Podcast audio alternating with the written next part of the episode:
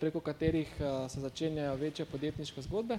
Vsaka je drugačna, vsaka ima neskončno veliko lekcij, tudi prepričan sem nekih modric, ne, čeprav kar gostje dobro izgledajo, tako da teh modric ali jih dobro skrivajo, pa jih je bilo zelo malo. tako da kot vedno vabljeni k vprašanjem in pa kot smo že v bistvu prejšnjič začeli z eno tako malo bolj interaktivno, interaktivnim sodelovanjem, zato ker je redkokdaj, da me preglasite z vašimi vprašanji, smo naredili eno tako interaktivno spletno glasovanje, ki je vam malo bolj, je vam malo bližje. pač rajši tipkate, kot pa govorite, tako da smo se vam prilagodili in vam dali eno tako spletno anketo, preko katerih lahko v živo spremljamo rezultate. in to spletno anketo smo tako naslovili, kaj so nekako največji izzivi ali pa strahovi, s katerimi se soočate, ko razmišljate, da bi štartali svoj biznis, ne, skratka, o tem bomo tudi govorili z našimi gosti, skratka, kaj je bilo tisto, če je bilo sploh kaj od tega naštetega, kar jih je nekako, kaj jim je rojilo po glavi, ko so se odločali, da bi štartali svoj biznis.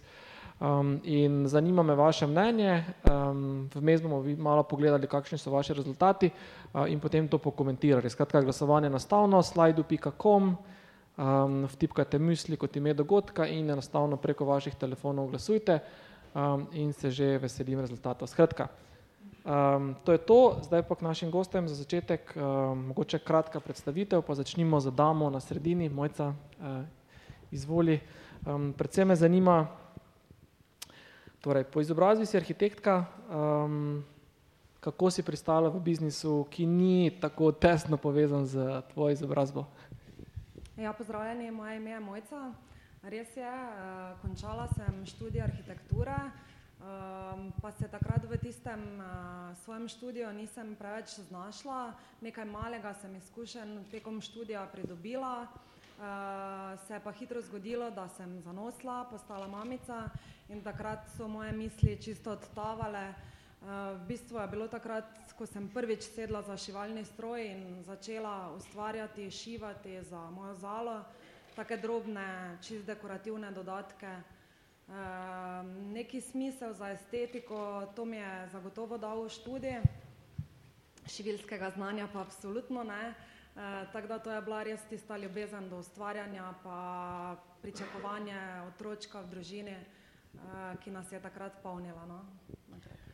Je pa to zanimiv tak psihološki moment, zato ker pač se mi zdi, da ko pride otrok v družino, se mi zdi, da je taka ključni taki prvi mehanizem staršev nekako zagotoviti varnost, zdaj iti na lastno podjetniško pot pa ni ravno nekako sinonim pa pač najbolj varna pot, ne. Kako, kje, kje, kje je tukaj, kje je tu ta razlika nastala? V bistvu sem se jaz te moje, danes lahko rečem podjetniške poti lotila tako zelo naivno, vse skupaj je bil res moj hobi, če je bil kdo takrat zaskrbljen, so bili to predvsem moji starši, jaz absolutno ne. jaz sem takrat sledila svojemu srcu, ustvarjala, delala to, kar sem počela rada, in bi rekla, da mogoče ob pravem času na pravem mestu, se je kar hitro pokazalo, da, da so stvari zaželene, da je povpraševanje po izdelkih, in na neki tak način se je vse skupaj začelo. Okej. Torej zdaj, če v bistvu narediva en tak zaključek ali pa povzetek začetka ali pa motivacije za začetek, torej več podjetništva bi dosegli s tem, da bi imeli več otrok, ne, skratka, ker očitno je otrok v družini zelo povezan s tem začetkom podjetniške poti. Ja, v mojem primeru je bil res, no, dal mi je navdih, predvsem to, no, Zala je še dandanes moj navdih, kolekcija naših oblačil in dodatkov raste praktično z njo, če smo začeli z z oblačilci za novorojenčka in zdaj je Zala stara štiri in se začenjajo pač oblačila za otroke. Tako da res se ravnamo čisto po njej in čisto po nekem trenutnem navdihu, no. Super. hvala, Mojca. Rok, kaj pa je bil tvoj, tvoj navdih ali pa glavni razlog, da si se začel da sta začela s partnerko Jumping Goat Coffee in um, zatka, da mogoče obrazložim, ne, rok je po izobrazbi veterinar, ne. To pomeni, da pač veterinarski barista uh, si mogoče pri kakem pregledu, pri kakem, v kaki, ne vem, uh, ti kakšna muca navdihnila, da je zamjavkala kavo ali pa. Ne, ni bilo čist tako, hvala za besedo, ne, res, jaz sem pa poklical veterinar in sem lepo upravljal veterinarsko prakso, čist normalno, do nedavnega, dokler, ne vem, porodi se v tebi neka ideja, vsi imamo radi kavo, prideš do nekega kave leta, kave desetletja, nikoli pil take kave in pride neko nepoznano nadušenje do kave, ki težko opisa, vsak drug me vpraša, kdaj si začel, kjer je bila tvoja najboljša kava, ne vem, ne, to se v bistvu kar v nekem trenutku začne. In eh, potem pa tako sem bolj raziskovalen po duši, rad uh, kakšne neumnosti naročim spleta, kakšen japonski prepomoček, prvi, drugi, tretji. In smo pa začeli eksperimentirati. No, in uh, potem se to začne čisto klasično, najprej darila za božič, potem darila za še vedno božič, pa potem mogoče, če glih je januar, še kakšna darila pol začne delati za drugega, tretjega. Govorim namreč o hladno vareni kavi, no, s tem smo videli začela, z cold brewem.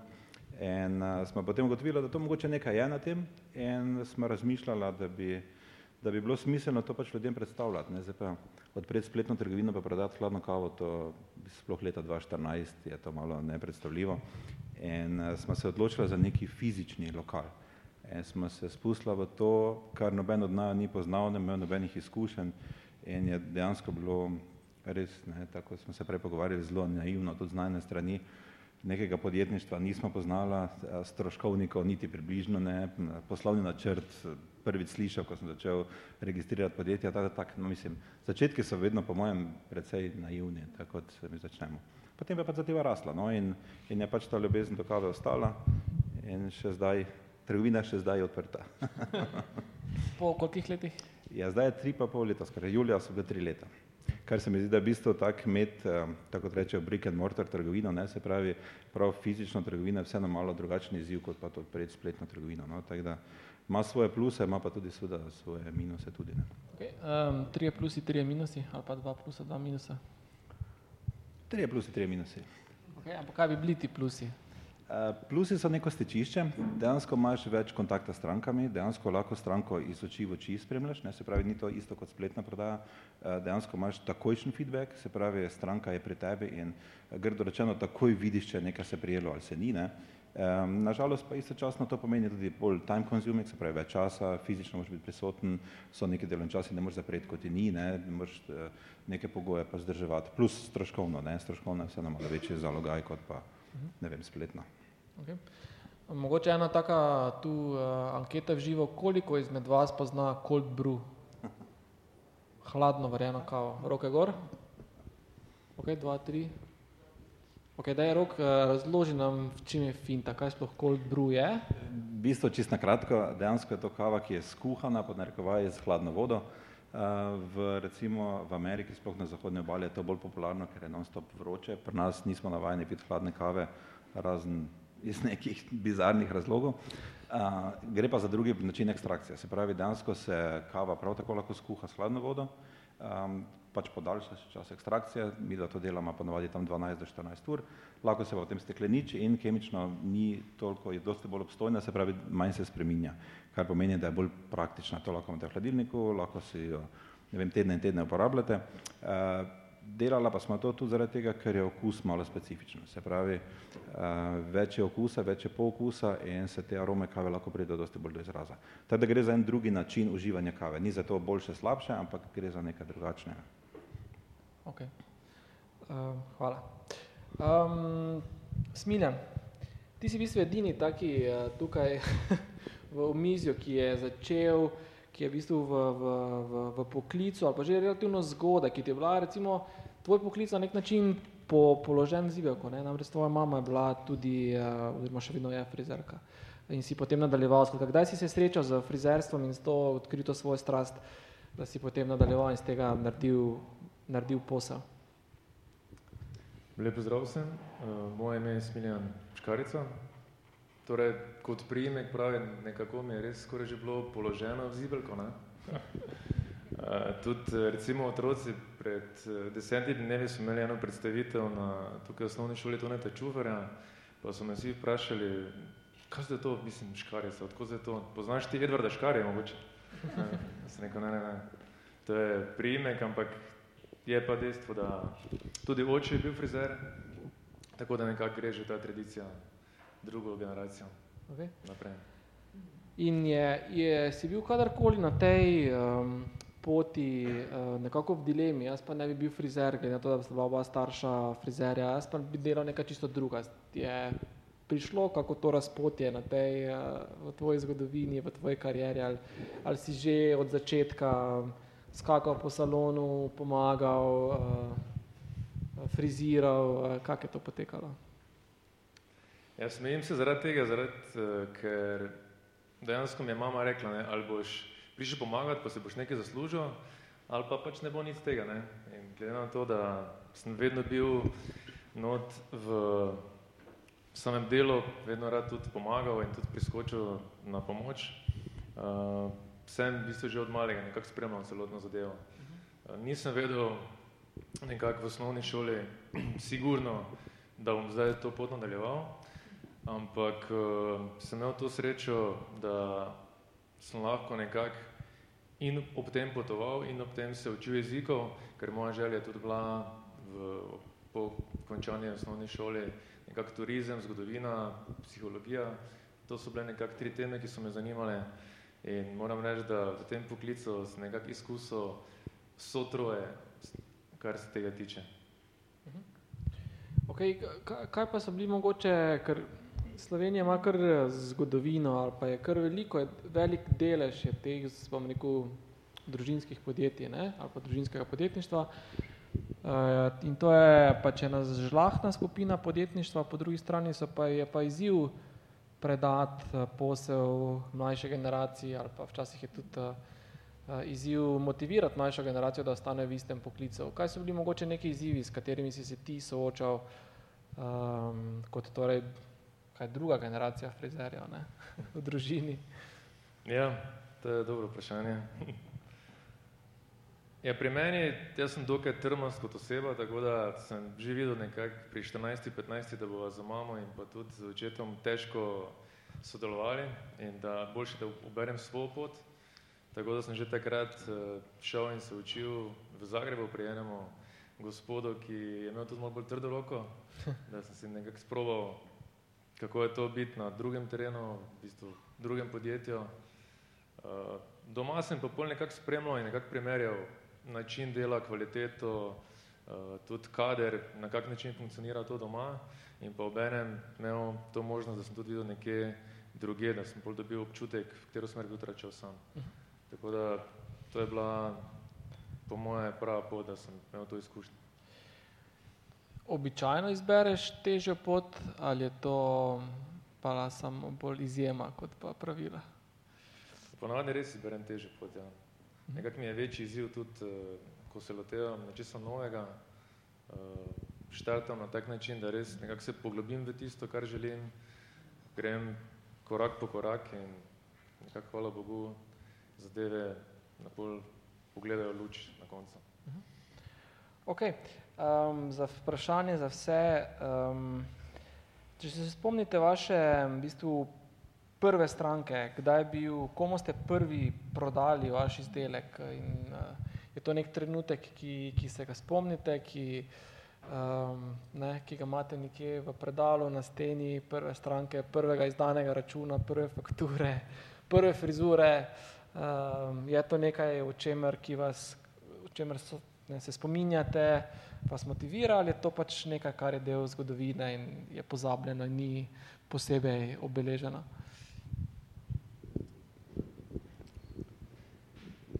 Zdaj konkretno prve stranke zagotovo se ne spomnim, da bi rekla, to je to. Uh, so pa tiste prve stranke, s katerimi sem se zagotovo največ ukvarjala, no, ker sem bila takrat še dosti manj prepričana, ali je to to. Uh, Eh, zagotovo sem takrat bodi vsaj petkrat obrnila, ko pa zdaj bolj suvereno pripravim nov dizajn, pa rečem, ja, to bo pa to.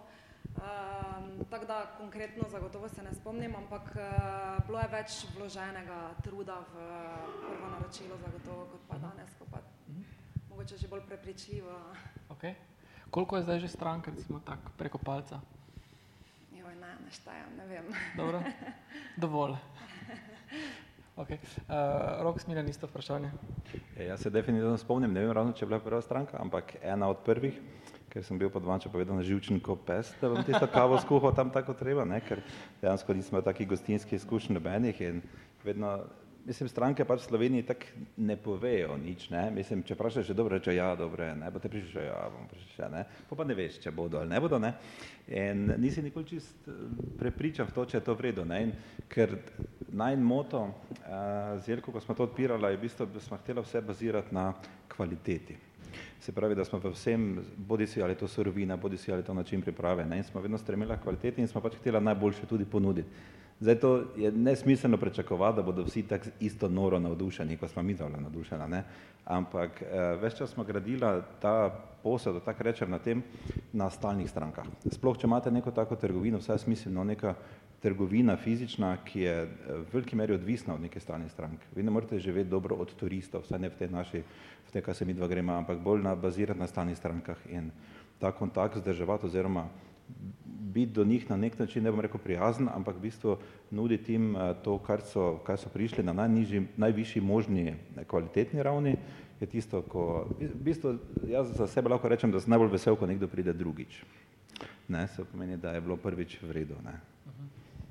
Kaj, koliko pa imaš um, teh stalnih strank? Torej, bom rekel, ali pa bom drugače vprašal, mogoče ne toliko število, ampak uh, kaki del te prihodkovnega kolača ti predstavljajo stalne stranke?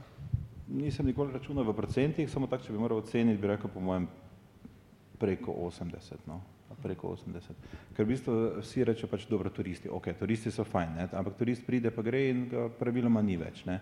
Eh, pri turistih je razlika pred nama, da ni treba teh stvari še enkrat razlagati. Ker v bistvu specialty coffee na splošno je v Sloveniji še precej tako neizdelano tržišče in je tudi dosti nekih takih eh, neznanja, ljudje niso pripravljeni. Eh, v bistvu je ena taka nerodna dejavnost, ja, no, v glavnem vsi pijejo kavo, ampak da bi pa pili drugačno kavo, je pa v bistvu tak en mindset treba premakniti, ne. In um, bi skoraj rekel nekaj med 70-80% po mojem okay. stalnih, ja. Hvala. Um, Smilan, tvoja prva stranka? Jaz sem kar začel z prvo nezadovoljno stranko, mislim, da je bolj zanimivo. Uh, pri 19. sem namreč štartal v Ljubljani, uh, sem delal dve leti pri, pri Mičo in tam se dobro spomnim, mislim, da je bila ena šesta, sedma, uh, ker sem pač bil kreativen, pa ker sem rad malo tudi naredil nekaj po svoje, ne, sem pač malo preveč strigo, ne, tako kar pač veste, ne, se hitro zgodi. Ne. In uh, sem pol nekako probo to razložiti, ne, tudi strokovno, da vredo zgleda in da to glede na obliko obraza je ok, ampak nisem imel neke sreče, tako da sem moral pol na koncu prositi tudi, če ne kasirajo, ne, sem pa to srečo, da pol, ko sem se vračal z vlakom nazaj v Maribor, ni vrag, da je točno na ta, šla, na ta vlak šla tudi ta stranka. in pol, da se tako pozdravim, še enkrat se res oprečujem, ni bilo samo slika brez zvoka. okay. In to ti ni vzelo motivacije ali pa zagona? Ne. Smo očitno ne, no pač. Ne, ne. Mislim, se zgodi, ne. Dejansko, hvala Bogu, ni bilo dosti takšnih primerov, ampak ti, ki so pa bili, na dva, tri, pa sem si jih zelo dobro zapomnil. Mhm. Ampak vsi v bistvu imate neke take, bom rekel, dejavnosti, ki so tako relativno povezane z neko osebno preferenco, ki jo zelo težko z nekim okusom, z, z takim osebnim mnenjem. Ne? Skratka, lepe frizure ne moreš definirati, kaj je lepa frizura. Ne? Lepega oblačila ne moreš definirati. Pač ja, lahko definiraš, da ti je prav ali ne, ampak Eh, tudi dobrega okusa kave ne moreš definirati. Ne? Zdaj, To bi stalo debatirati, ker se določene stvari da zmeriti no? in, okay. in se v bistvu predvedeva. Ne? So določene pač tehnične zahteve in rezultat je kar ponovljiv. No? Okay, ampak če nekomu všeč, ne Ja, vem, ja. Ruanda ali okej, sadne ja, to so pa- je težko. To je drugo, ja, to so posebne preference, ja, to pa sigurno. Nekomu je neka stvar bolj všeč ali ne. ne. Mislim, obstaja kategorija, da se ve, če stvar bila dobro pripravljena, eh, drugo pa je, če tistemu to ustreza po okusu. Ja, to pa, In tu je verjetno zavrnitev ali pa negativnega feedbacka več, kot pa recimo pri, ne vem, danes zjutraj izkušnja pri vulkanizerju, tam je pač štiri kolesa mora biti namontirana in to je storitev in tu pač ni zdaj nekega super eh, manevrskega prostora. Ne. Mislim, jasno je, ampak ni toliko manevrskega prostora, kot je v vašem biznisu. Ne. In kako se s tem soočate? Eh, Koliko zaupate temu nekemu lastnemu občutku, koliko pa poslušate stranke, um, kako krmarite v bistvu kam gre vaša ladja ponudbe. Če mogoče jaz povem, v bistvu poslušati stranke se mi zdi pomembno. Ne. Dejansko moraš poslušati stranke zaradi tega, vsaj pri nama v lokalu je tako, da je to tisti, tako kot sem rekel, instant feedback, ki ti da neko, eh, neko oceno, ampak eh, moraš pa v bistvu biti siguren v to, kar delaš, ne, oziroma tudi neke strokovnosti tu zadaj držati se tega. Tako da mogoče bi bilo to nekaj pol-pol. Ne. Mislim, ne smeš, če si nekaj siguren, pa veš, da imaš podlago za to, da lahko zagotovo rečeš, da je to res to, kar govoriš, ne, da stojiš za tem, potem si dosti bolj siguren v to, kar ponujaš. In mislim, da tudi psihološki neki moment nastopi, ko stranka v bistvu zazna, da ti veš, o čem govoriš in tudi bolj sigurna v to. Ne. Ja. Drugo je pa vedno stvar okusa. No. Okay. Uh, isto vprašanje, mogoče Mojca Smiden. Ja, jaz bi rekla, da sama v praksi najraje poslušam sebe no? in da tudi ustvarjam po nekem lastnem navdihu, da mi je zelo težje, ko ima stranka neke svoje želje, pa m, takrat v bistvu sem najbolj nezadovoljna s svojim ustvarjanjem, ker, ko imam nekako prekrižane roke, ko skušam ustreči njej, pa vseeno ostati v svojih smernicah. No. Uh -huh. Tisto se mi zdi, da je najtežji del. Najlažje je, ko imaš svobodo in delaš tisto, kar te vodi tisti lastni navdih. Je pa res, da zagotovo prisluhneš stranki, eh, se prilagodiš do neke meje. No. Tako fajn je, če si jo znaš postaviti. Ampak doslej ti ta lastni navdih um, in oblačila oziroma izdelki, ki so rezultat lastnega navdiha, v bistvu pritegnil na drugi strani dovolj strank, ki so ta nekako tvoj navdih razumele kot tudi njim ustrezno, ustrezno smer, torej da so tudi kupile. Se to uh, v prihodnosti nameravaš način dela spreminjati ali boš ostala pri, pri tej smeri? Jaz mislim, da tako kot smo začeli, je bilo vse skupaj zelo spontano, da nekih takih točno generiranih planov, kako točno bomo nadaljevali, nimam. Um, najbolj bom vesela, če bom lahko sledila svojemu srcu, pa svojim uh, Mhm. željam, svojim sanjam. Um, mislim, da bo to tisto največ, kar si želim. No. Okay. In to je sicer ta, ta začetna ali pa ta strast je, je izredno pomembna in se mi zdi, da prisotna pri vseh, eh, pri vseh podjetniških zgodbah in tudi vi trije niste izjema. Um, ampak se mi zdi, da je, ko podjetje preraste, ne, konkretno mojca deset živil v bistvu že dela uh, za vas, ne, uh, če imam pravi podatek. Ja, to je za taka groba ocena, okay. čisto toliko nas ni. Dobro. Uh, ampak ja. mm, Ampak v vsakem primeru vas je več kot pa samo ti in pač ko podjetje raste, ja. je, se mi zdi ta neka odgovornost um, za, za, za posledice lastnih dejanj, pa lastnih odločitev seveda raste. In ali se kdaj sprašuješ, uh, da bi nekako, ne vem, uh, delala malo bolj, um, pa ne, zdaj ne rečem, da ne delaš sistematično, ampak da bi te odločitve bile bolj recimo empirične, mi veliko govorimo o metrikah, da odločaš se na podlagi metrik, merljivih odločitev, merljivih številk, eh, spraševanje kupcev, eh, številke in tako naprej. Eh, Razmišljaš kaj v tej smeri ali rečeš, gledaj, ne, ne, to je moj biznis, moj navdih, moj, moja lastna želja, dizajn, to bomo pičili in to je to. Ja, zaenkrat je, bi rekla, da 90% po tem, kar je navdih. Da nikoli nisem razmišljala, to bi se zlagala sem, ampak si zaenkrat še na tak način ne predstavljam delati. No. Hvala. Uh, Smiljan, kak ti delaš? Kak, uh, torej ta, um, ta ustvarjalnost, te nezadovoljne stranke, ta neka kreativnost, uh, v bistvu, ko primeš kare v roke, pa odrežeš, je ne, prepozno za ne, lastne želje. Če, Po mojem primarna stvar je, da ostaneš zvest sam sebi. Torej, to, kar imaš na čelo, to, kar želiš, kar vidiš tudi na ljudeh, da to narediš. Ker zdaj, če bi jaz poslušal vedno samo želje od svojih strank, potem ne bi nikoli izrazil svoje kreativnosti in pa tudi svojega uh, tega čuta za estetiko. Je pa normalno, da poslušam, predvsem poslušam, kar mislim, da je ključno, uh, ko pride stranka prvič in da nekako razberem, v kateri smer je in da vidim že od uh, prvega koraka, ko stopim od v prostor, nekako to vizualno podobo, kar si predstavljam. Uh -huh. Pol pa tudi probam nekako ne takoj napast, pa že takoj povedati, kaj bi naredil, ampak nekako na ta prav pristop uh, prvič samo obrazložiti, pa če ni takoj za to, ponovadi drugič, tretjič nekako prijemo tega rezultata, to, kar želimo. Uh -huh. Mislim, da tukaj je ta pristop ključen. Okay, kako si v bistvu nekako uravnotežil ta pristop, ker na eni strani je čas denar in pač ti imaš samo en stol, pa dvojne roke in pač lahko v določenem trenutku obdelaš samo eno stranko. In kar pomeni, da pač eh, hitrost obdelave strank je pomembna, seveda po moje v tvojem poklicu. Ne?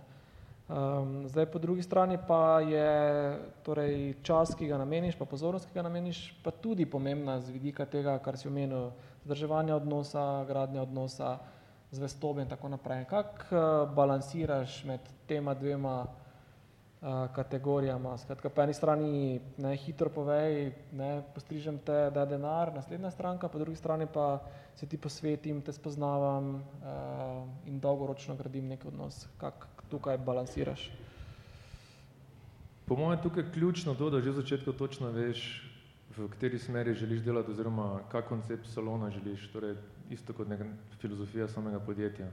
Ali imaš namen delati na način, da se res posveti stranki, da imaš kvaliteto, da tudi ponudiš isto to dodano vrednost, ali pa da imaš sistem, kjer v bistvu gre vse skupaj kot po tekočem traku. Ne. Po moje, oba dva sistema sta ok, tudi vidimo, trg tudi pokaže, da oba dva sistema super funkcionirata, da pa odvisno tudi od posameznika, kaj želi oziroma tudi v kateri smeri se želi razvijati. Mi smo se zaenkrat odločili za ta prvi pristop, raje si vzamemo več časa, delamo, kot sem prej omenil, ta izziv težje, uh, ampak kljub temu pa ljudje, ki se vračajo, potem potrjujejo to, da je ta način tak, ki nekako na dolgi rok prinese tisti cilj, cilj in pa zadovoljstvo. Okay. Zdaj pa s takim tovrstnim pristopom je povezano seveda, če ti pač v isti časovni enoti obdelaš eno stranko ali pa dve stranki, pomeni, da moraš načeloma dvakrat več zaračunati. Ne? Zdaj, um, ali, ta, ali so stranke pripravljene za neki taki bolj posvečen, personaliziran, poseben odnos, pripravljene plačati dvakrat več, kot pa za neko tako standardizirano šablonsko storitev. Zdaj tako bom rekel, če si iskreno, moje mnenje je, če ti uspe v Mariboru, ti bo uspelo bilo kje na svetu. Ne, predvsem v takšnih dejavnosti storitvenih, tudi kar ima sta moja kolega in uh, to je res uh, tek na dolge proge. Ne.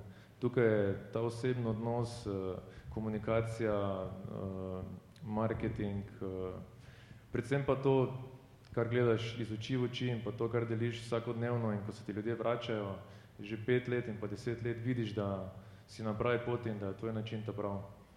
Uh, pol pa vsak posameznik točno ve, katera smer je tista, ki, uh -huh. katero si želi. Ok, ampak um, še enkrat ne, da mogoče bolj direktno vprašam, uh, so ljudje pripravljeni več plačati za tako storitev ali niso? Kaj je tvoj občutek? Zim, kaj je te občutek, kaj, kaj so tvoje izkušnje, no, dejansko se delaš? Po mojih izkušnjah so pripravljeni več plačati. Recimo delal sem tudi za primer leto dni tukaj v sosednji Avstriji v Gracu, delal sem dve leti v Zagrebu, tako da sem tudi nekako dobil iz drugih okolij na svoji koži občutek, kako je glede cen, glede pristopa. Uh, normalno, da Maribor vseeno moramo iti s cenami nekako to, tako kot je trg, to, kar lahko si v bistvu privoščiš, ampak če gledam kolege, cena tukaj mislim, da nima vpliva, da ljudje ne bi prišli. Uh -huh. Če ti res si iskren, delaš kvalitetno, uh, tudi, da imajo to zaupanje, jaz se ne bojim in tudi uh, do zdaj nisem imel problemov pri cenah. Okay. Uh, ampak mogoče zdaj, ko si omenil to primerjavo grad s Maribor Zagreb, uh, kakve so pa tvoje izkušnje s tem trgom? Uh, ne vem, pač Zagreb kot metropola, grad kot neke vrste metropola tega Južne Avstrije, um, kupna moč, uh, vse v Gracu je kar ne, za dober faktor višja kot tukaj. Uh, Kaj je tam dojemajo to storitev? Je recimo to dojemanje kvalitete, tega drugačnega odnosa uh, je drugačno kot tukaj v Mariboru ali pa v Zagrebu, kak, kakšne so tvoje izkušnje? In zakaj si prišel nazaj, oziroma zakaj nisi ostal v Gracu ali pa v Zagrebu? Ja. Uh, recimo grad za primerjavo, sigurno, glede na standard v, v Avstriji, vemo vsi, da je to ne, čist drug svet. Ne. In uh, cene so tam tudi duple, recimo, če primerjam. Ne. Uh, Kar se pa tiče same kvalitete, pa moram priznati, da tam v primerjavi tukaj z Slovenijo ali pa z Mariborom so nižji, kar se tiče kvalitete. Ne, ne bom rekel generalno, ampak 90% sigurno je tukaj ta storitev nižja kot recimo tukaj v Mariboru ali pa nasplošno v Sloveniji. V Zagrebu je odvisno od posamičnih salonov, kako kdo, kje se tudi zna zbrendirati, uh, tudi na kak način uh, si delajo marketing, koliko znajo sami sebe prodati na nek način. Maribor pa meni osebno pa še kot mesto. Uh, vrnil sem se zaradi tega, ker sem občutil, da v tujini ne bi bilo to, to kar sem si želel. Moral sem probati, ker je tudi bila ta želja prisotna. Uh, pri samih cenah pa moram reči, da Tukaj res moraš točno sam si določiti uh, in standard in sistem, v katerem želiš delati. Okay. Hvala. Rok, še mogoče isto vprašanje, pa podobno vprašanje ja. za tebe. Veliko kratko se peljem mimo ne, uh, uh, lokala, uh, ne, se pogovarjaš, uh, imaš neke ljudi notri. In tudi, ko sem sam tam prisoten, je tako se mi zdi ta so ti prodajni cikli za eno kavo, ne? da ogromno časa investiraš v to, da prodaš eno kavo. Ne? Ok, ja, ampak v bistvu ne gledaš na to kot neko tako, mislim, dobro, kot investicijo, ne, ne, v bistvu ti ni težko o tem govoriti, samo moraš najti nekoga, ki te posluša. Tak da, uh, ne, v bistvu glede cen pa tega, kar smo se pogovarjali, mi imamo predvsej izkušen z Avstrijo in recimo v, jaz lahko za Avstrice rečem, da so vsaj dosti bolj odprti do nečesa novega. Ne? Pri nas je v bistvu Dobro, cena, eh, kaj se cene tiče, dobro, tam je višji standard, Avstrija odvisno pač od države do države, ampak eh, če je nekak cena korektno nastavljena, eh, se mi zdi, da ni problem. Dobro, neke delne tržne nastavitve, recimo Slovenija, Avstrija, to, to se razume, ampak jaz sem najbolj videl razliko to pred med Slovenci, da tako rečemo splošno med Avstrici, da so dosti bolj odprti za eksperimentiranje, ker to, kar se mi dva gremo, ni nikjer v Evropi še razširjeno mislim, mogoče pretiravam, mogoče v nekem Berlinu sigurno je, mogoče London je tudi, ne, ampak to so metropole, to se ne moramo primerjati en Maribor z Berlinom. Tako da je v bistvu v teh primerljivih mestih je to novotarija in se mi zdi, da v tujini gre lažje. No, mislim, dosti bolj so ljudje odprti za kaj takega, tako da, tako kot je rekel Smilja, ne, če ti uspe v Mariboru, ti bo bolj kot ne povsod. Ne. Okay. Um, zakaj še vidva nista v Gracu ali pa Dunaju ali pa Berlinu ali pa... Ne vem, jaz imam tudi neko tako težko razložljivo afiniteto do Maribora, tako da me kar nekak uh, uh, že po študiju v Ljubljani, nekak sem bil z veseljem, sem se vedno vračal. Nikoli si niti predstavljal, da bi v Ljubljani živel, recimo, pa ne, da bi bilo karkoli narobe z Ljubljano, ne, ne me zdaj narobe razumeti, ampak ne vem, nekaj me je stalno vleklo nazaj v Maribor in mi je bilo normalno tu imeti trgovino. Ne. Uh, če glih je vsak rekel, to bi moralo biti v Ljubljani, videl bi moralo biti v Ljubljani, ampak okay, v končni fazi smo eno uro na razen, ne? ni za to neka taka relacija. Tako da ja, težko razložim, ampak nekaj je vleklo. Kaj, mojca, pri tebi je pa drugače, ne? ti pa nimaš tega, tega, tega osebnega stika s strankami, tega takojšnjega feedbacka, ne? zadovoljstva, nezadovoljstva, jeze, um, shičenosti. Ne? Kako pa ti to meriš v bistvu? Ti pa v bistvu res imaš na koncu samo pač spletno trgovino, metrike, naročila in če pač tista košarica se polni, polni, polni, naročila dobivaš, je to, veš, da delaš nekaj prav. Je skratka zelo taki črno-beli signal, imaš vseh teh nijanskega smirjan pa, moj, eh, pa rok zaznata, v bistvu v osebnem odnosu nimaš. Ne? Na kak način se pa ti um, odločaš ali pa veš, da delaš ta prava smer, ta prava stvar. Ja, Ja, jaz mislim, da je tukaj ta naša družabna omrežja, ki so v bistvu meni omogočila delo, um, kar dost uh, že dajo vedeti, ali si na pravi poti ali nisi. Pač sama objava, ki jo pripravim, ko se nekaj, uh, ko se nekaj začne že kuhati, že rada o tem začnem govoriti in takoj vidiš, ali bo nek produkt prišel na plodna tla ali ne. Zdaj, je zgodba nastavljena tudi tako, da se mamice oziroma naše stranke zelo rade vključujejo v naše delo, um, da rade pokomentirajo, da nam uh, rade sodelujejo s kakim komentarjem, ali je to všeč, ali to ni všeč, ali bomo izbrali zeleno, ali bomo izbrali rdeče, ali je to za manjše ali večje, ali je usnje primerno ali ni. Tako da jaz mislim, da skupaj kreiramo na nek tak način uh, vse skupaj in da so one uh, pokazatelj, ali delamo dobro ali ne. No. Ok, tako da, katero mreže največ uporabljate? Facebook, Instagram? Mm, ja, jaz sem začela s Facebookom. Uh, še vedno je poglavitno družabno mreže Facebook, uh, dodajamo mu Instagram, ki je, ki je tudi v porastu. No. Um, tako da to. Koliko časa preživiš tako poprečno dan na Facebooku? Preveč. ja, pač Ker v bistvu Facebook je to, kar je za smiljena lokal, to, kar je za roka lokal, je za tebe Facebook, ne, če prav razumem. Tako, ja. Ja, Facebook je praktično moje delo. Ko nisem v šivalnici, sem zagotovo na Facebooku. Uh, si več v šivalnici ali več na Facebooku? Kar težko. Ja. Mislim, v bistvu združujem eno in drugo. Tudi ko sem v šivalnici, sem zraven na Facebooku no, in obratno. Tako da um, z mislijo sem tu in tam. Um, je težko, Facebook je v bistvu skozi z nami, no? tako da mm. se moraš kar disciplinirati, glede na to, da je zraven družina, uh, da znaš popoldan pa vseeno telefon dati z rok, uh, pa Facebook pustiti, glede na to, da pa te Facebook praktično zahteva cel dan. No? Um, če čez dan na Facebooku nisi aktiven, se mi zdi, da kar si nekje na dnu. No? Uh -huh, uh -huh. Da... okay. Zdaj mogoče malo pokomentiramo te uh, rezultate uh, ankete, ker nam čas, uh, čas prijetno teče um, in se tudi izteka. Uh, torej, um, naše občinstvo je komentiralo, da je nekako strah pred neuspehom tisti, ki je, ki je najbolj prisotna, pa neki največji strah ali pa najbolj izražen uh, pri tem, ko se pač loteva ali pa ko bi se lotevali svojega biznisa. Um, potem je, kje dobiti zakonska finančna sredstva, pa sledi strah pred izgubo prihodka. Kako bi vi rangirali te uh, strahove ali pa pokomentirali teh vseh, uh, vsaj prve tri ali pa recimo? Jaz bi tako rekel, mi zanima tisti, ki ste v bistvu poklikali strah pred neuspehom, če, bi, če se prvič podajate na neko stvar, ker se mi zdi, da ta strah, strah pred neuspehom je dejansko predn se naredi prvi korak.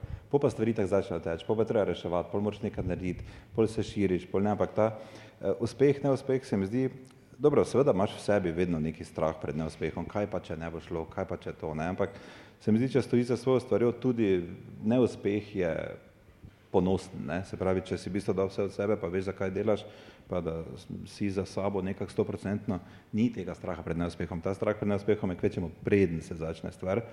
Uh, finančna sredstva, um, jaz moram reči, mi da smo začeli s prihranko, uh, poskušala smo, vsak se naredi neki kvazi poslovni načrt doma, koliko bo porabo, računajte polkrat tri, koliko boste porabili, odvisno pač, kaj boste delali, ampak generalno najbolj široko, ko ste to ocenili, ste premalo si ocenili.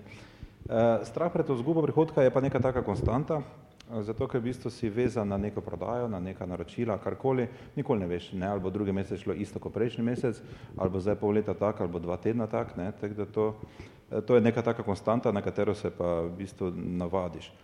Um, če še tako na hitro, no, ostalo strokovno znanje, to je neka taka stvar, tega vam ne bo nikoli zmanjkalo, če stojite za svojo stvarjo, ki boste vedno samo inicijativno si iskali najnovejše, eh, najnovejše stvari, najnovejše dognanja, ker vam bo zanimivo. Če neka stvar prihaja z vašega hobija, jaz mislim, da strokovno znanje ne bo, ne bo problem. Zahtevne stranke pa so ali niso, stranke v vsakem primeru pridejo zahtevne, tako da temu se ne morete izogniti. Samo znate lažje z njimi delati s časom. Mogoče samo to še prej, eh, kot ena istočnica, ne, Um, prej sta oba omenila, ne, da pač čez čas postane, postaneš toliko suveren, da ne, da ta samozavest že prepriča stranko. Ne. Koliko časa sta rabila, da sta postala tako suverena, da pač, ko narediš tisti zadnji res ali pa, pač, ali pa ko razložiš, ne vem, zakaj je ta kava, da si tako suveren, da pač tisti no, tam nima zdaj. Ja, neko... mislim, zdaj suverenost, nisem se mislil, da bi to ne smeš nikoli pretiravati v neki samozadostnosti, ne, da to ne, ne, ne zavije v napačno smer, ampak um, stranke ti bolj dajo neki tisti odgovor, ne, da delaš prav, več kot delaš prav, uh, imaš boljši občutek, da to, kar delaš, ne ni tako narobe. In pač pri sebi moraš vedeti, ne, v bistvu pri sebi moraš vedeti, koliko si pač pošten pri celi stvari ali ne, pa pa te stvari niso taki problem, sploh kar se strank tiče. Okay. Uh, Smina, mogoče, da si ti dobil uh, to samo zavest, predn gremo na komentiranje teh rezultatov. Koliko, koliko frizur si mogel narediti? Ne? Zdaj, velja eno pravilo, to zelo znano, 10.000 ur, skratka, da moraš 10.000 ur vložiti, ne, da postaneš dober v nečem ali pa da postaneš izvrsten, moraš vložiti 10.000 ur več kot tvoja konkurenca. Um, zdaj, po kolikih letih biznisa, po koliko frizurah si postal toliko suveren, da se ti roka več ne trese, ko narediš centimetrski frufru? -fru? Po mojem tukaj ni ključno ta kilometrina, ampak predvsem znanje. Torej, da greš v tujino in tudi probaš se tam, da vidiš, koliko si vreden na trgu.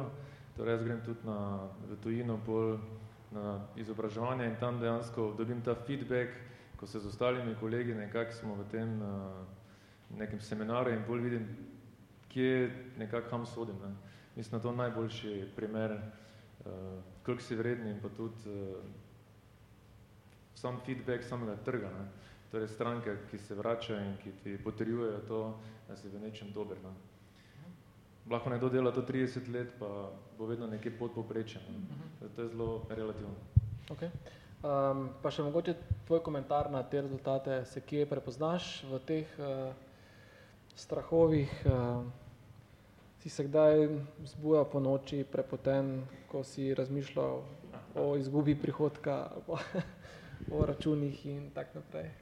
No, smejal sem zaradi tega, ker se zdaj zadnjih 14 dni eh, zbujam prepoten, ne? to pa zaradi tega, ker... Eh, preveč kurja. Prosim? Ker preveč kurja. ja, če bi le, ne. ne. Namreč eh, ravno zdaj v tem mesecu prenavljamo tukaj lokali in z podizvajalci, ki imaš nek dogovor in pa, in pa nek terminski plan, uh, prej ravno, ko smo govorili o modricah, ne, tukaj že malo plavi prst, ne, ker uh, sem se moral sam lotiti v bistvu nekih stvari, ne, poda recimo, pa takih zadev. In uh, tukaj bo moja ta ključna vztrajnost, ne, da tudi če te nekdo potunka, pa da ti neka stvar ne gre, ne, enostavno greš tudi včasih z glavo skozi zid uh, in si toliko vztrajen, da ti čas pokaže, da se vse stvari nekako odvijajo in da v bistvu lahko pride do cilja. Ne. Pa ta kontinuiteta, ali je to moj posel, ali je to nek posel, ki se ga lotevate čist uh, kot uh, hardware, recimo kot izdelek, uh, je tukaj ključ samo v tem, da se učite iz svojih napak, uh, pa predvsem tudi to, da vam stranke povejo to, kaj si želijo. Ne? Zato skrat ne, kak iz sebe izhajam, mislim, da je ključ tudi, tudi v strankah. Ne? Uh, hitro vprašanje vmestno je vztrajnost po tvojem pri, prirojena ali natrenirana, naučena? Po mojem to imaš, pa nimaš, tega se ne moreš naučiti. Kaj mojca? Prirojena, naučena. Strajnost. Jaz bi tudi rekla, da je prirojena, no. Kaj, Rok? Mora biti v tebi to, mora biti nekaj, kar te to žene. To ti tiger mora biti v tebi. Ok, ok. Um, Smidan še, pa mojca, ko že imaš mikrofon, kar strahovi mogoče. Um, ko si se spuščala v svoj biznis, uh, strah pred neuspehom, strah pred izgubo prihodka, finančna sredstva, strokovno znanje, kaj od tega te je ti ni dalo spati, razen novorajenčka. ja, predvsem ona. No. Ne, um, res smo se tako zelo, sem se zelo spontano spuščala na to pot in se v tistem začetku praktično nisem ukvarjala s tem, uh, ali bo zgodba uspela ali ne bo uspela. V bistvu nisem štartala, da bo to nekoč moje podjetje, da bomo s tem nekoč preživljala svojo družino. Uh, tako da se v samem začetku definitivno s tem nisem ukvarjala. Mogoče je malenkost drugače zdaj, ko je zaposlenih 10-15 ljudi, ko desetega moraš tem 15 dati plačo um, in ko je vsak mesec to tak in vsak mesec veš, da moraš budžet napolniti. mogoče tukaj pomislim na to, ampak še vedno nekako sledimo svojemu srcu, delamo to in zaenkrat se obrestuje, ne vem, se konkretno ne soočam z temi strahovi. Bravo. Tako meni vsi tako ful skolirani izgledate, tako da pač to delati svoj biznis, biti izpostavljen tveganju, da pač tako, ko zdaj tule poklepetamo, mirno pijemo kavo, čajček, pivo in to ni nič tako stresnega, ne. Je to tak varka strica Marka ali je to, uh, ali ste vi taki karakterji ali Um, zakaj imam taki občutek? Mislim, no, ne vem, po mojem tudi, kako greš v celo zadevo, ne? ker mi dva smo tudi takrat šla v to uh, na neki taki ziharaški način, se pravi, uh, po sistemu tudi, če ne bo nobene stranke na mesec, bo šlo dalje, ne? se pravi, da si narediš neko tako rezervo in se lahko te, nimaš tistega pritiska stalno nad glavo, ne? kaj pa zdaj, ko bo deseti, pa bomo kar propadli ali ne bomo. Ne? Tako da v bistvu se mi zdi, to, kar smo prej govorili, ne, mora biti neka vztrajnost ne, in, in tista neka pravila, eno leto pa bo nula, dve leti pa bo nula, to računate prej tri, štiri, ne, sploh če se greste neko tako, tako dejavnost, ki je še ni ali pa ja, tako smo mi, da imamo po mojem še vedno 80% nekega osveščanja pa razlaganja ne, in, in to niso stvari, ki bi že kar ki bi že kar letele in bi prihode kar prihajal. Ne. Tako da je treba biti strajen, pa od začetka mogoče res ne takoj se nastaviti največje možne pritiske, pa takoj ne vem, blazne kredite, pa biti takoj že odvisen od neke druge inštitucije. Ne. Mojca, Kristjan, kako komentar?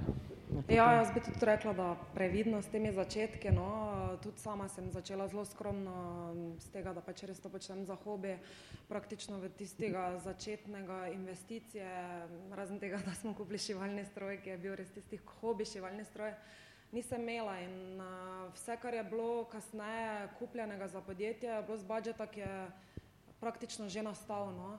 Um, tako da tu, da pač mogoče res si na začetku ne zastaviš nekih zelo ambicioznih ciljev in da vsak uspeh je, je pač potrditev tega, da si naredil dobro in uh, sprejmeš nove izzive in da nekako tako korakaš. Kaj se tudi vi naprej vidite v tej zgodbi ali pač ta neki, neki ta hiter rast, um, se kdaj vidite med gazelami in zakaj ja in zakaj ne, če so to sploh želje? Torej med hitro rastočimi podjetji?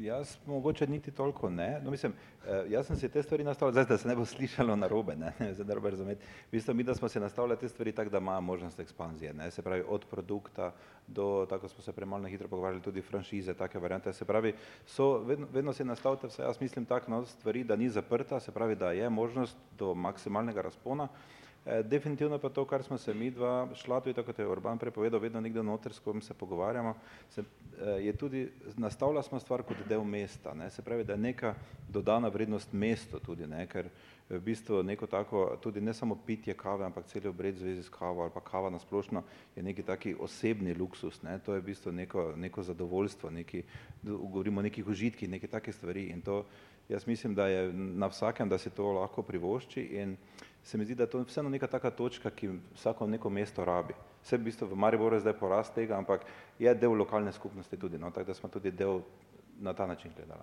Mhm, ok, hvala. Uh, Mojca Smiljan.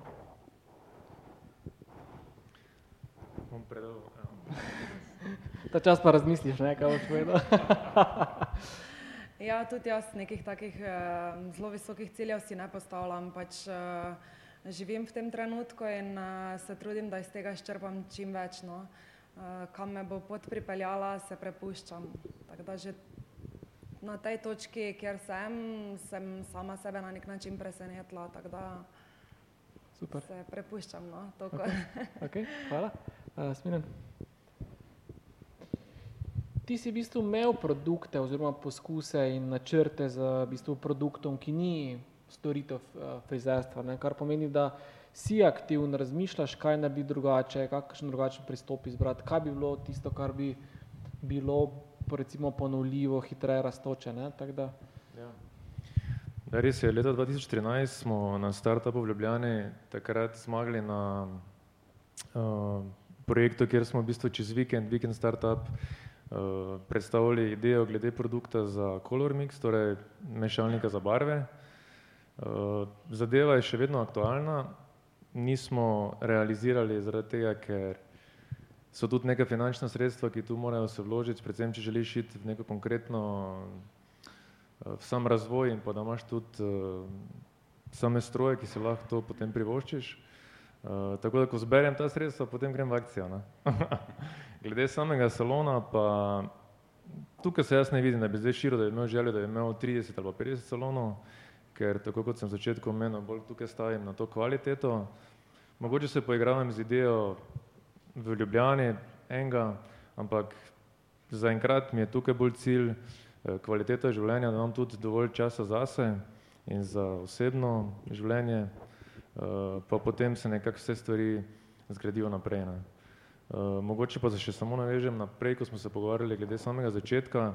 Recimo, jaz sem tudi tukaj štartal spodaj s salonom, ko sem prišel iz Ljubljane na Lento in nekako dve leti smo rabili, da je celotna zadeva zadihala. Torej dve leti smo bili, bom rekel, da smo prvo leto bili v minusu, drugo leto smo se pokrivali, čez tri leta pa je počasi začela zadeva rasti, pa čez pet let je recimo bilo, da sem lahko še dva zaposlil.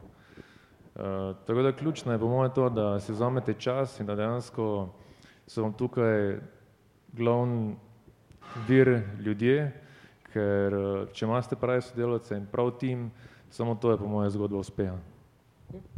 Mm, hitro vprašanje za vse tri, koliko ur v povprečju delate na dan? Ne vem, štiriindvajset. Mašina. Ne, mislim, težko si z mislimi drugje, ne. Zdaj fizično delo pa jaz sem, ne vem, za ostala dva, ampak težko je merljivo, ne.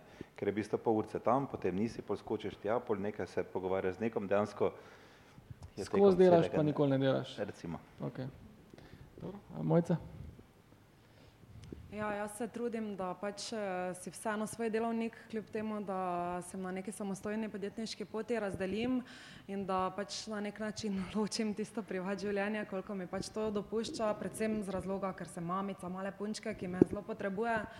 Bi bilo bistveno drugače, no, če ne bi bilo temu tako, bi verjetno dosti več časa preživela, ampak konkretno zdaj zjutraj, ko Zala odhaja v vrtec, se jaz stoprocentno posvetim svoji dejavnosti, in ko grem po njo, se trudim, da da sem z njo, no, nisem stoprocentno, zagotovo ne, zagotovo je dostikrat urica vmes, ko vzamem telefon, ko pride stranka, ko moram nekaj nujno urediti, nesti na pošto, ampak še vedno se trudim, no, da je to potem, spet je moj delovnik ob osmih, ko Zala zaspi, in pol je spet tiste moje dve, tri, štiri ure do jutra, ko se ukvarjam. Cool, super, hvala. Smiljana? Meni je v bistvu moje delo način življenja, torej lahko rečem tako kot pri kolegoma, ki sta to šla iz svojega, bom rekel, hobija ali pa iz posla potem v v hobi. Pri meni je ravno kontra, ne, jaz nekako ta, to delo iz srednje šole pa pol naprej je res bilo takrat delo naporno po deset, dvanajst ur, predvsem ko se učiš pa ko si pri različnih ljudeh pa vidiš te pristope. Zdaj pa moram reči, da čeprav se mogoče sliši smešno, ampak vedno bolj uživam v tem. Iz leta v leto, ko spoznavam različne ljudi, mi je vedno bolj fajn in vidim, da tu je še dosti nadgradnje, predvsem glede nekih predavanj, predvsem glede nekih sodelovanj tudi z ljudmi iz tujine, ki potem delamo skupaj. In mislim, da ravno to je čar v tem, da nekako vsak najde tisto, kar počne s srcem, in da tudi v tem uživa. Prav. Še zadnji krog vprašanj, to je tako super vprašanje, ki ga imam tako najrajši za vse. Če bi lahko zavrteli čas nazaj, preden ste stopili na svojo podjetniško pot, kakšen nasvet bi dali sami sebi? Minuta molka, da razmislite. Mogoče kakšni dve leti nazaj sem delal en projekt tudi, ki smo se ga lotili tukaj za srednjo šolo za oblikovanje, kjer smo delali en prenos inovacij ravno glede digitalnih vsebin glede izobraževanja mladih frizerjev. In takrat je en Anglež imel gor na kulici napisano start with the end in your mind. In tisto mi je toliko ostalo nekje v spominu, po moje je to ključ, da nekako veš, kam želiš, in potem nekako te korake delaš v tej smeri. Super nasvet, hvala. Ja, se v bistvu se moram do neke mere strinjati. Mi, da smo dejansko, ko smo začeli, smo tudi imeli neke cilje um, v smislu, kaj si želiva, ne, kaj bi z tega lahko nastane. Tako da načeloma um, je mogoče lažje delati z nekim, ne morem reči temu exit strategy, nekaj tako daleč nismo, ampak vse toliko, da vidiš, kje je cilj, nekaj, če si neke realne cilje postavljaš, lažje jih dosežeš. No. No, kaj so bili cilji tak? Um, mi dva smo bila takrat zelo skromna, dejansko eno, eno delovno mesto, ne, se pravi Ok. zaposlitev za eno osebo. Okay, Nismo cool. imeli višjih ciljev, ker smo takrat bila tudi v situaciji, ko je bil eden stalno zaposlen, en pa tudi sicer, ampak je nakazovalo, da ne bo, ne, in smo pač razmišljali, da ima nekaj narediti, da ima temu čas ne, in da bo ena oseba. Okay. Ja. Mojca? Ja, jaz, eh, moji začetki, kot sem že rekla, so bili pač z tega vidika mm, drugačni. V bistvu nisem imela nobenih pričakovanj na začetku, kaj točno bo iz tega nastalo. Um, vse sem prepuščala takrat res tistemu navdihu in um, da bi zdaj ful nekaj dosti spremenila, ne, hvaležna sem, da je uspelo tako, kot uh, se je zgodilo. No. Teda, ko pogledaš takšno kolekcijo kot tu zgoraj, to je tisti ultimativni zadovoljstvo, cilj dosežen. Jaz mislim, da sem zadovoljna, no, da napredek iz tistih prvih, uh, iz tiste prve kolekcije izpred treh let, pa zdaj do te, no, da, da je kar korak. No. Okay. Ja, se, se to je mogoče ravno, no, prej ko smo govorili ekspanzije in te stvari, eh, določenih stvari ne poznaš, ko greš v posel noter, ne, dejansko moraš priti v stik z nekimi stvarmi, da vidiš, kam se sploh lahko širiš, kje poti se ti odpirajo, ne, tako da je težko reči mogoče na začetku nekega, nekega biznisa, kam te bo to odpeljalo, ne. Kaj vas je tako najbolj presenetilo? Tak, če lahko razmislite, pomislite za nazaj, kaj vam je bil taki največji wow, ko ste rekli, fakt, to, kak, to sploh nisem razmišljal, kako je to mogoče super. Ne? Vezano na, ne vem, na prodajni kanal, na idejo, na partnerja, na produkt, na karkoli, strategijo, pristop, whatever, kaj vas je tako no, Ne vem, meni osebno so bile vseeno stranke. Ne? Za mene so bile vseeno stranke, ker jaz mislil, da sem verjetno edini daleč na okrog, ki bi kaj takega bil v stanju sploh pit. In ta neki feedback od strank, no, te stvari, to, to se mi zdi, da je mene vse osebno gnalo tu naprej. Mojca? Ja, definitivno te stranke polnijo. No. Njihovi odzivi um, so v bistvu največja potrditev v, pri našem delu. No. Um, da pa nisem pričakovala, pa mogoče, da mi je zdaj še vedno pa to, kar pač dejansko danes, dan danes omogoča družabna omrežja. No.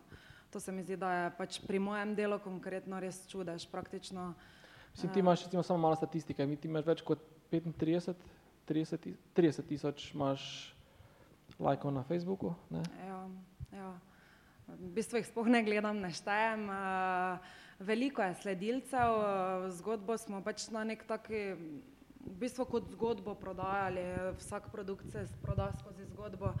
In, in ja, v bistvu celo podjetje funkcionira na osnovi našega Facebooka. No. Niti nimamo spletne trgovine konkretno. Vse deluje preko Facebooka. Kako pa naročila poteka? Vse preko Facebooka. Kaj torej v Inboxa. v Inbox? Okay. Ja. Dobro, razmišljaš to kaj eh, v bistvu upgradeati ali je to pač ok? eh, Koliko zdaj naročil povprečno na dan? Ajde, Preko palca.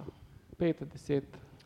Ja, v Inboxu dnevno se znajde med 100-150 sporočil, Okay. um, ki jih potem pač danes, jutri. Mislim, traja nekaj časa, dokler prideš do naročila od prvega uh -huh. sporočila. Ne? Ampak vseeno se mi zdi, da je mm, dosti razmišljamo o tem, ali na tej točki presedlati pa narediti spletno trgovino. Uh, Kaj so, kaj, so, kaj so argumenti za, argumenti proti?